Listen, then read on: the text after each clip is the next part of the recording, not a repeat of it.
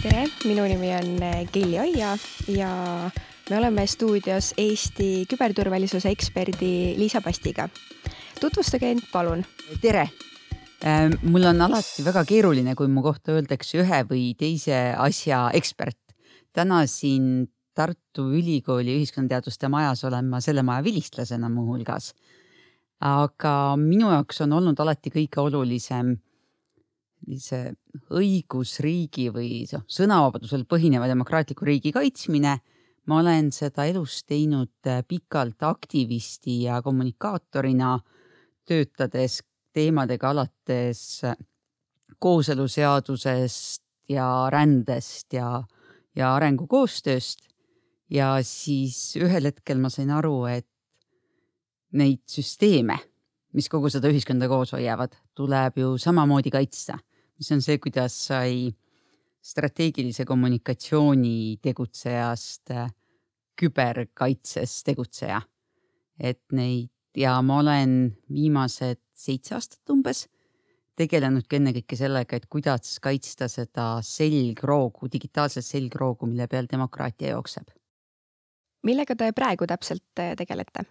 ma olen suhteliselt äsja saanud küberneetika aktsiaseltsi kes on Eesti üks kõige teadus- ja arendustöö mahukamaid IT-ettevõtteid ja kes on ehitanud digiriigi lahendusi väga turvaliselt äh, üle maailma. Nende küberturve äh, valdkonna äriarendusjuht. kuidas te selle küberturvalisuse valdkonnani üldse jõudsite? paljude eestlaste jaoks aasta kaks tuhat seitse kui toimusid siis aprillirahutused, millele järgnesid ka massilised ja koordineeritud küberrünnakud pankade ja riigiasutuste veebilehtede vastu, oli mingit sorti äratuskell.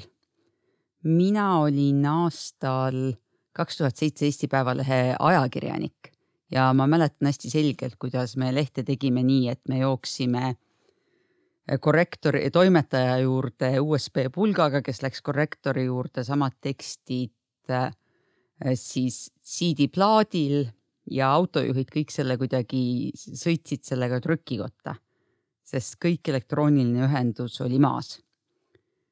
Ähm, ülejäänud maailma jaoks oli meeldetuletus, kui oluline see meie digitaalne elu ja selle kaitsmine on. ja mitu, mitu aastat hiljem kandideerisin ma täiesti avatud konkursil tööle NATO Küberkaitsekeskuse kommunikatsioonijuhiks. see on siis Tallinnas asuv äh, rahvusvaheline sõjaline organisatsioon, millel on tänaseks äh, umbkaudu kaks tosinat äh, liikmesriiki. ja see oli kõige ideaalsem koht mingis mõttes natuke suunamuutuseks, sest ta on mõttekoda, ta on koolituskeskus ja ma ka kommunikatsiooni tehes ei ole kunagi osanud teha ainult kommunikatsiooni, ma pean aru saama sellest valdkonnast, sellest tootest, sellest teenusest, nendest väärtustest, mille eest ma seisan. ja ma ei tea, kas see teeb mind halvemaks või paremaks kommunikaatoriks, aga kui ma ise kirglikult ei usu seda, milles, millega ma tegelen ja ma ei usu kirglu neid väärtusi ja seda lisandväärtust, siis ma, siis ma ei oska seda ka kommunikeerida mis tähendab seda, et ma olen hästi vilets tarbekaubakommunikaator olnud elus. ja ma pigem olen kommunikaatorina tegelesin nende asjadega, mis on hästi noh, olulised ühiskonna pikaajaliseks äh, tegutsemiseks, tõesti kas inimõigused, ka tehnoloogia, äh, kaitsevaldkond. aga mille pärast muretsedes inimesed reeglina hommikul üles ei ärka, et see ei ole nagu number üks mure kellegi elus. ja see on see, kuidas ma sattusin küberkaitsekeskusesse ja mul oli kohutavalt põnev. Äh, umbes kaks pool aastat, mis ma seal töötasin, siis olles ainuke tsivilistist naine juhtkonnas, mul oli kohutavalt põnev käia ja küsida, mis see teeb, kuidas see töötab, kas rahvusvaheline õigus küberruumis äh, kehtib noh, need suured valdkonda defineerivad küsimused. ja mul oli see õnn, et mul olid ümberringi inimesed, kes äh, vastasid ja kes olid valmis minuga vestlema. ja siis juhtus minuga see, mis juhtub sageli kommunikatsioonis, et kui sa tunned valdkonda liiga hästi, siis sa tegelikult enam ei ole nii kasulik, sest sa ei vaata teda värskete võõraste silmadega. ühelt poolt ja teiselt poolt mul oli selle küberkaitse valdkonna endaga. Just mitte sellega, mis on nagu tehnilise võrgukaitse või infoturbest, jääb siis selle ja nagu otsuste tegemise vahele.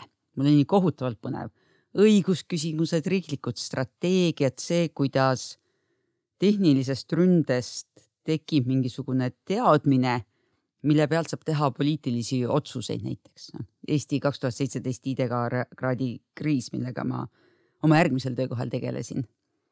Ja see on see, kuidas ma olen liikunud tasakesi siis nii küberkaitse korralduse poole rohkem ja nii juhtimise kui, kui analüüsi poole seal. aga mida üldse tähendab eh, küberturve? küberturve äh, lõppkokkuvõttes tähendab süsteemide, arvutite, andmebaaside puhul kolme asja tagamist.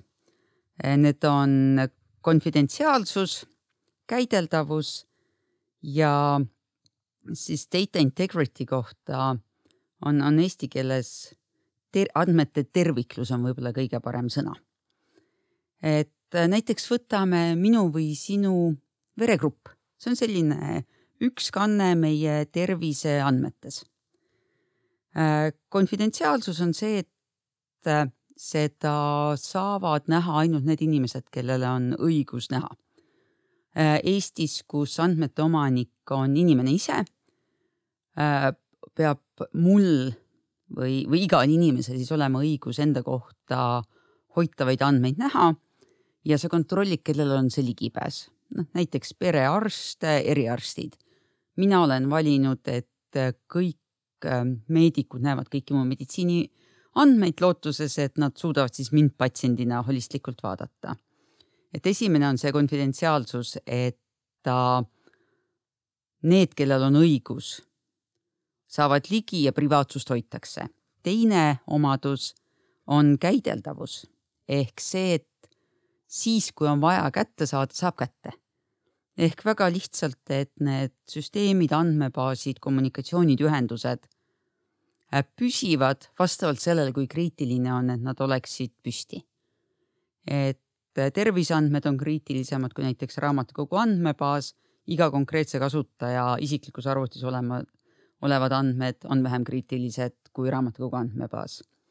ja viimaks on andmete terviklus Äh, mis on võib-olla kõige keerulisem neist ja kõige vähem ka me oleme näinud selle rünnet. et noh, on lihtne, konfidentsiaalsusrünne on see, kui inimene, kellel ei ole õigust saada ligi näiteks terviseandmetele, seda üritab või arst, kellel ei ole või, või meedik, ta ei pruugi olla ka arst, ta võib olla näiteks äh, õde, kellel ei ole tegelikult töist vajadust vaadata minu või sinu veri, veregruppi vaatab seda. Võib-olla vaatab veregruppi, aga võib-olla vaatab ravimeid, millest saab teada, mis on varem inimesel elus juhtunud. Ähm, millest paljud võivad olla väga delikaatsed, privaatsed ja isiklikud, mul on õigus, et neid kaitstakse. ja see on siis rünne konfidentsiaalsuse vastu. Äh, käideldavuse vastu rünne on seesama, mida Eesti nägi aastal kaks tuhat seitse ehk et mingil viisil sa ei saa süsteemile ligi kõige tavalisem on äh, siis teenustõkestusrünne inglise keeles äh, denial of service attack või distributed denial of service attack, sageli näeme sõna või täheühendit DDoS selle kohta, mis põhimõtteliselt tähendab seda, et lihtsalt päringutega ujutatakse üle üks süsteem. et kui internetipank on ehitatud nii, et ta tavaliselt saab tuhat päringut tunnis Äh, ta saab hakkama kümne tuhandega, aga miljoni päringu peale tunnis ta ei teeni enam kedagi ära. Äh, süsteem läheb maha, ta ei ole kellelegi kättesaadav, see on siis rünnak äh, käideldavuse vastu. siis andmete terviklikkuse vastane rünne on selline, kus me enam ei tea, kas andmed on tõesed, me enam ei saa usaldada, ehk et nagu usaldus kaob täiesti. Ehk see on see, kui veregrupi näide jälle. ma ei taha, et minu veregrupp oleks avalikult teada. aga see ei ole mulle füüsiliselt ohtlik. Äh, kui ei saa näiteks enne tähtsat operatsiooni äh, ligi andmetele, siis see veregrupi määramine ei ole väga keeruline meditsiiniline analüüs, et seda on, seda on võimalik suhteliselt lihtsasti ja kiiresti teha. aga kui mu veregruppi on muudetud ehk siis andmete terviklikkust on äh, rikutud, ilma et me seda teaks, siis sellel võib olla eluohtlik mõju näiteks vereülekande puhul. et äh, andmete terviklikkuse rikkumine on täpselt see, et sa enam ei tea, mida usaldada. ka need äh, poliitiliselt tundlikud küberründed viimastest aastatest, näiteks Ameerika presidendi, presidendikampaaniate puhul siis nii-öelda emailide vargused ja nende lekitamised on eriti segadusse ajavad just selle tõttu, et ei ole teada, kas need kõik materjal, mis on lekitatud, on täpselt üks-ühele see, mis oli olemas ja mis varastati või sinna on vahele pandud sellist usutavat, aga ohtlikku lisamaterjali. See on see Hunter Bideni laptopi kaasus siis, millest on, on viimastel nädalatel väga palju juttu olnud. miks on küberturvalisusega tegelemine oluline? esiteks on räigelt põnev. aga teiseks minu jaoks küberturvalisusega tegelemine ei ole tehniline küsimus, vaid me oleme Eestis, Euroopas, läänemaailmas valinud äh, hästi digitaalse eluviisi. see annab võimaluse, lisavõimaluse igal inimesel teha vabalt valikuid, kuidas ta riigiga, ettevõtetega teiste inimestega suhestub Äh, ma võin, kui ma soovin minna rahvastikuregistri tegevusi tegema, võin kõndida kohale siis omavalitsuse teenindusbüroosse seda teha. aga mul on võimalus ka öösel kell kaks seda teha, sest riik on andnud mulle turvalise riigi garanteeritud digitaalse identiteedi ja need suhtlusvahendid. ja minu jaoks on see selle eluviisi kaitsmise küsimus et paratamatult innovatsioon peab käima käsikäes siis küberturbega digitaalses maailmas ja me saame neid, noh, neid valikuid ja seda vabadust nautida ainult siis, kui see on ka turvatud. kuidas mõjutab eh, küberturvalisus tavainimese igapäevaelu? Äh, igapäevaelus needsamad andmevarguste näited me oleme juba rääkinud ja see vast ongi kõige olulisem, et nendest juhtumitest, mis on, ka millest me teinekord loeme lehest. Ma julgeks öelda, et vast üheksakümne seitsmel protsendil on rünnak osutunud edukaks sellepärast, et seal kuskil vahepeal on olnud inimene. et kas ta on siis õngitsus kirjas klikkinud ja on selle tõttu süsteemi tulnud äh, pahavara. ta on oma andmed ekslikult andnud kuskil, äh, oma parooli tähelepanematult sisestanud äh, võltssüsteemi. et, et see on kõige olulisem, et jälle, kuivõrd inimene naudib seda mugavat valikut elus digitaalselt elada, siis ta paratamatult on Äh, üks osa sellest, mida me kutsume ründepinnaks ehk nendest, äh, mida need, kes kas soovivad rahalise tulu nimel äh, või selleks, et lihtsalt kedagi diskrediteerida või selleks, et näidata oma võimeid ja oskusi, üks süsteem maha tõmmata või inimene ruma-, lolliks teha et paratamatult see inimene on seal pidevalt mingil viisil sihtmärk. samamoodi kui sul on, kui sa kannad kaasas füüsiliselt oma rahakotti, äh, siis ju ka taskuvargad vaatavad, et ega seda, ega see ei ole kuskil, kus seda saab lihtsalt äh, ära tõmmata ja digitaalsete varadega ja sinu enda paroolid, sinu enda failid, sinu enda andmed on sinu digitaalne vara, on samamoodi. aga õnneks ka need, need viisid, kuidas tavaline inimene saab ennast kaitsta, on lihtsad ja nõuavad sama sorti tähelepanelikkust, kui et see, et kus taskus rahakott on või mobiiltelefon. nimetage mõni see lihtne viis, kuidas tavainimene ennast kaitsta saab. number üks tavainimese jaoks kindlasti on mõelda, milline on ta digitaalne identiteet ja siin on väga, mõned väga lihtsad põhimõtted. salasõna on kõige vähem turvaline. ta on vähem turvaline sellepärast, et ta on äraarvatav, lihtsalt jõuga järjest tähe ja numbri kombinatsioone pakkudes. ja ta on ka lihtsasti noh, nii-öelda tehniliselt vahelt varastatav, eriti kui ei, on ebapiisav turve sellel süsteemil, kuhu sa oma salasõna paned. mis tähendab seda, et seal, kus on võimalik, näiteks enamus sotsiaalmeediaplatvorme, enamus rahvusvahelisi online teenuseid e, emaili pakkujaid, tuleks sisse lülitada kahefaktoriline autentimine ehk et kui sa sinna süsteemi sisse logid teisest uuest arvutist, uuest masinast, uuest brauserist näiteks, siis sa pead kinnitama teisel viisil, et sa oled sina. ja lõpuks kinnitada saab millegagi, mida sa tead, salasõna, midagi, mida sa oled, noh näiteks äh, näpujälg või midagi, mis sul on, näiteks äh, mobiiltelefon. ja kaks faktorit tähendabki seda, et Nendest kolmest vähemalt kahte nõutakse. kõige tavalisem on see, et midagi, mida sa tead, salasõna ja midagi, mis sul on, äh, mobiiltelefonile saadetav kood või mobiiltelefonis rakenduses kuidagi enda kinnitamine. Äh, see ja kohtades, kus on võimalik, Eesti oludes, äh, on kindlasti ID-kaardi või mobiil-ID ehk siis riigi tagatud turvalise identiteedi. täna on ka lahendusena Smart-ID olemas. Nende kasutamine seal, kus on vähegi võimalik, sest jälle see keskselt tagatud turvaline identiteet on turvalisem.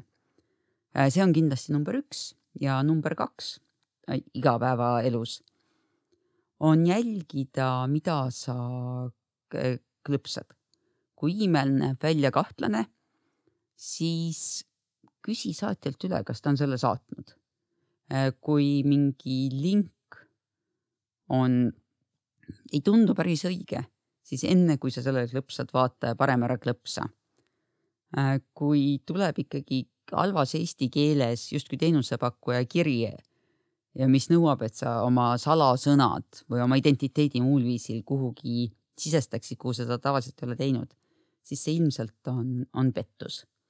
et, et jälgida seda, kus sa klõpsad ja jälgida just online äh, teenuste ja inter, jälgida internetilehtede puhul, et need kasutaksid turvalist kommunikatsiooniplatvormi äh, ehk seda, et teatavasti kõik veebiaadressid algavad HTTP et seal lõpus oleks S, see tähendabki seda, et kasutatakse turvalist protokolli.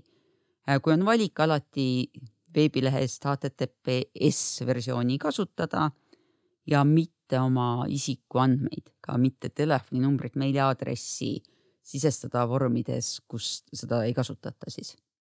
küberturvalisuse indeksi alusel on Eesti maailmas teisel kohal. Kuidas ja millise tööga see saavutatud on? Eesti tugevus on see, et Eesti on ehitanud mitte ühegi konkreetse teenuse küberturvalisust, vaid turvalist ökosüsteemi.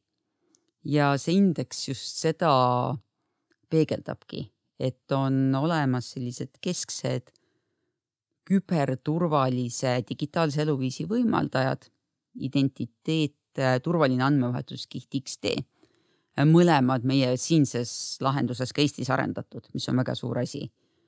E, ja seda, et on olemas riiklikud raamdokumendid, näiteks siis küberturvalisuse strateegia, mis täna on osa e-riigi üldistest äh, raamdokumentidest ja strateegiatest.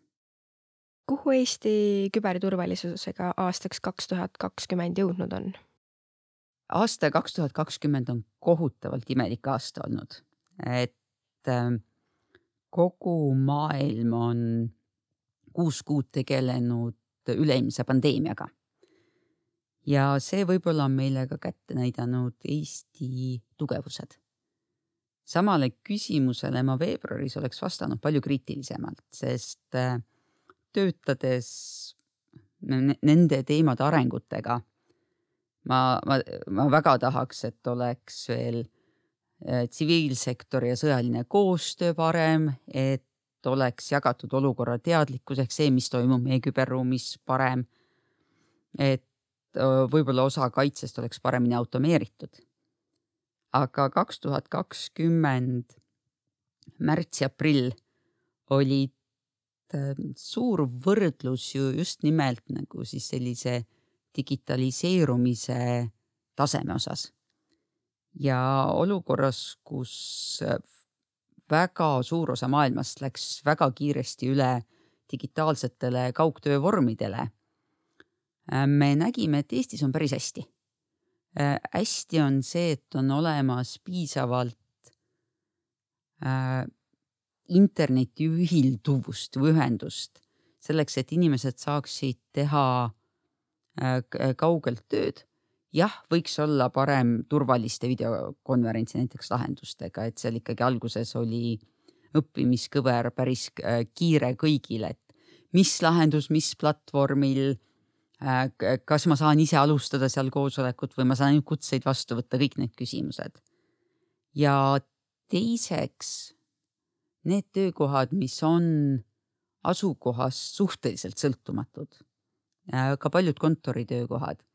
selgus, et ikkagi suhteliselt väikse vaevaga ajakirjanikud, riigitöötajad, paljud ettevõtted, noh rääkimata näiteks veel mittetulundussektorist, kes sageli teebki ju kaugtööd, läksid üle ja identiteet võimaldas ka seda, et see tehnilises mõttes usaldus, et kui ma ütlen, et ma olen mina ja allkirjastan midagi, siis tänu siis Eesti digitaalsele identiteedile me saime ka seda jätkata suhteliselt äh, väikse vaevaga. millised on olnud äh, seoses ülemaailmse pandeemiaga küberturvalisuses kõige suuremad väljakutsed sel aastal? selle kiire üleminekuga digitaalsetele töövormidele loomulikult kaasnes ka nende töövormide suurem kasutus, mille tõttu nad olid ka rohkem rünnatavad, sest neid lihtsalt oli rohkem. ehk, ehk kõikvõimalikud, me kuulsime Zoom pommimisest ehk seda, et äh, mitteturvalistesse Zoomi kanalitesse hüppasid suvalised inimesed sisse ja käitusid seal teinekord kohatult. see, et organisatsioonid pidid suutma näiteks VPN lahendusi või muid turvalisi kaugtöölahendusi kiiresti massiliselt kasutusele võtta ehk seda, et su ühenduskanal siis selle sinu töötaja, tema arvuti ja kontori vahel, mis varem on samas ruumis või samas hoones sageli, et see oleks turvatud. Äh, mingis mõttes siiani oli mõeldud, et turvalisus on midagi, mida sa kaitsed perimeetrit ehk sa kaitsed seda nagu noh, sei-, välisseina. siis nüüd, kui inimesed on laiali siis sa pead järjest rohkem kaitsma seda lõppkasutajat ja tema masinat. ja paljud kartsid, eriti kui vaadata, äh, kui, vaadatagi märtsikuud, et tuleb mingit sorti nagu koroona küberründeid. ja seda õnneks ei juhtunud. jah, kasutasid küberkurjategijad ära seda, et inimestel on suurem huvi kõikvõimalike pandeemiasse puutuvate uudiste ja sellekohase info kohta.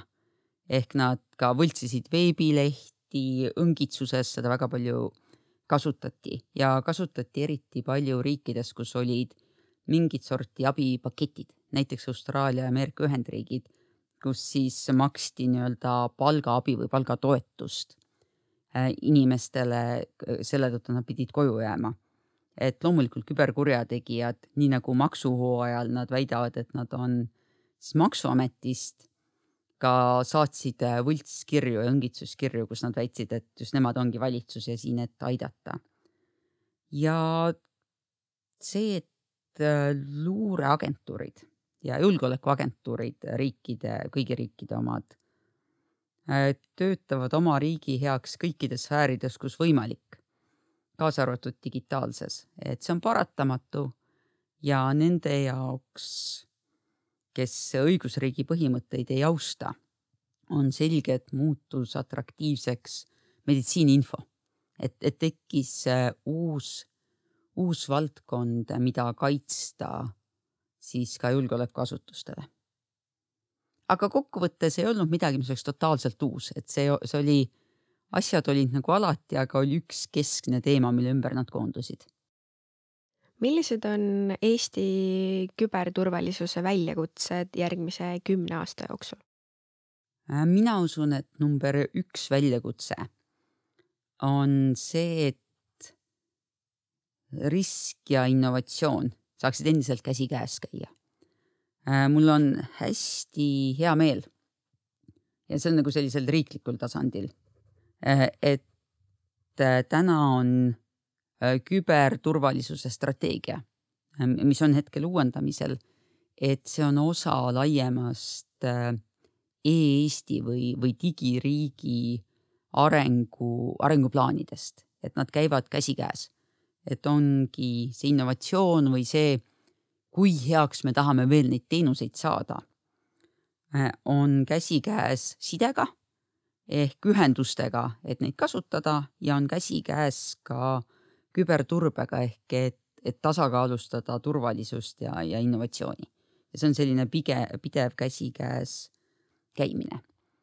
ja minu jaoks number üks väljakutse nii era- kui, äh, kui siis äh, riiklikus sektoris, on see, et selline riskijuhtimise mõtlemine kinnistukski innovatsiooni või, või teenusdisaini või, või teenuste planeerimise osaks. sest mida varem sa mõtled riskide ja ohtude peale, seda lihtsam sul on ehitada süsteem, mis on turvaline ja see, seda odavam on tagada see, et kõikvõimalikke rünnakuid või ka vigu, mis näiteks inimeste privaatsust võivad potentsiaalselt rikkuda. et need äh, leitakse, avastatakse varem ja et need on ka siis nende mõjud on võimalikult väiksed, et, et kindlasti kohe igas sektoris, alates inimesest, lõpetades riigiga, see innovatsiooni ja, ja, ja riski tasakaalustamine. Ja see puudutab ka seda, et iga kord, kui sa tõmbad oma, oma nutitelefoni, mis lõpuks on üks pisike, aga suhteliselt võimas arvuti, millel juhtumisi on ka häälkõnede tegemise oskus tänasel päeval. et kui sa tõmbad sinna mingi uue rakenduse, et sa korraks mõtled, mis load sellel rakendusel on, äh, milliseid su andmeid ta avaldab ja kustkaudu need andmed liiguvad. Kas need andmed püsivad Eestis, kas nad püsivad sinu telefonis?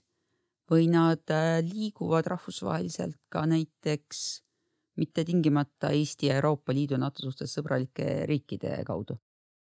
kuidas äh, saada küberturvalisuse eksperdiks, mida selleks äh, teha tuleb? praeguseks hetkeks on mõned õppekavad Eestis olemas, mille, mille siis nimetuses on küberturve, küberturvalisus, küberkaitse aga kohe kindlasti on see hästi kiiresti dünaamiliselt arenev sektor, kus äh, on, on palju arenguteid lahti. mis tähendab seda, et number üks on, on see uudishimu ja, ja soov õppida.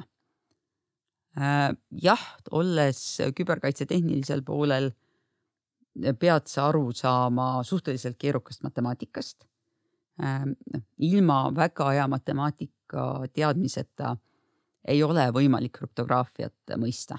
see põhimõtteliselt on usaldus, mille me oleme pannud väga keerulisse matemaatikasse. Äh, seal sellisel süsteemi kaitsmise tasandil on IT-oskused äh, väga vajalikud. Eestis sageli liiguvad inimesed ka noh, süsteemi arhitektuuri ja, ja turbeinseneri ametite vahel edasi-tagasi. aga kõige rohkem kogu maailmas täna on puudust nendest inimestest, kes on selles puhver või liim, ükskõik kuidapidi sa sellest mõtled, tehnilise küberturbe ja eluviisi osas otsuste tegemise vahel ehk neid, kes saavad aru võib-olla ise oskamata, mina ei, ei oska programmeerida, aga ma saan aru enam-vähem nendest laiadest terminitest äh, tehnoloogias. Et kes saavad aru tehnoloogiast ja teistpidi saavad aru, mida, milliseid, millist infot on vaja, millisel kujul töödeldud teavet on vaja selleks, et teha otsuseid. ja siis on need justkui need süstikud nende kahe valdkonna vahel. sest et tänaseks on need, on ikkagi väga palju tehnoloogia üle müstifitseeritud ja just nimelt üle müstifitseeritud. ja teistpidi on tehnoloogide jaoks need humanitaarid, kes teevad kuskil otsuseid, on ka justkui mingi sihuke kauge ja natuke müstiline kogukond. et ma usun, et nende kahe vahel ja seal on ennekõike vaja natuke kuraaži, aga kuraaži, mis põhineb äh, analüüsil, mitte puusalt tulistamisel ja soovi mitte ruumist lahkuda, enne kui sa oled ise aru saanud. Mis on need põhimõtted, mida iga inimene seoses küberturvalisusega meeles peaks pidama? ma arvan, et need ongi need asjad, millest me oleme juba rääkinud. esiteks, et innovatsioon ja risk käivad omavahel käsikäes. see, kui ma kasutan näiteks beeta testimisversiooni mingist äh, tarkvarast, tähendab seda, et seal võib olla nii funktsionaalsuses kui turbes veel probleeme. ja et see, et kus sinu enda jaoks, rääkimata siis on ju organisatsioonist või riigist, on tasakaal ehk et see, et sa mõistadki, et ükski süsteem ei ole sada protsenti turvaline, sest kui ta on sada protsenti, on konfidentsiaalsus ja privaatsus tagatud, siis sa näiteks võid need andmed uputada ookeani põhja ja katta betooniga, millisel juhul käideldavus ehk ligipääs andmetele ei ole väga optimaalne. ehk see nagu riskitaluvuse ja riski tasakaalu mõiste on, on väga oluline selleks, et ka aru saada, kus sa ise inimesena tunned ennast mugavalt, kus on sinu jaoks see tasakaal. Äh, ja et siis mõelda, millises riskikäitumisega ja riskitaluvusega keskkonnas äh, sinu jaoks on mugav, kus on see sinu ja see on väga-väga personaalne. aga selles kategoorias mõtlemine aitabki aru saada, kus see sinu isiklik eelistus on ja siis juba need äh, konkreetsed turvalise käitumise põhimõtted. Ähm, mõtle, mida sa äh, klikid, kui midagi näeb välja imelik, siis ta ilmselt on imelik.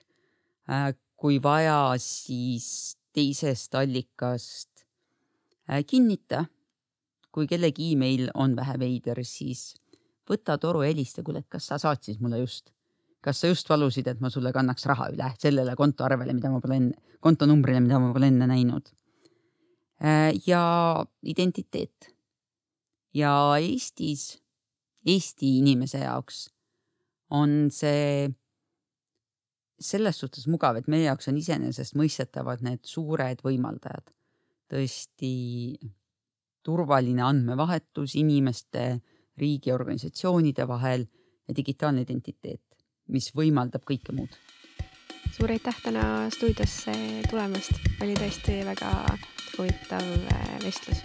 turvalist käitumist kõigile. aitäh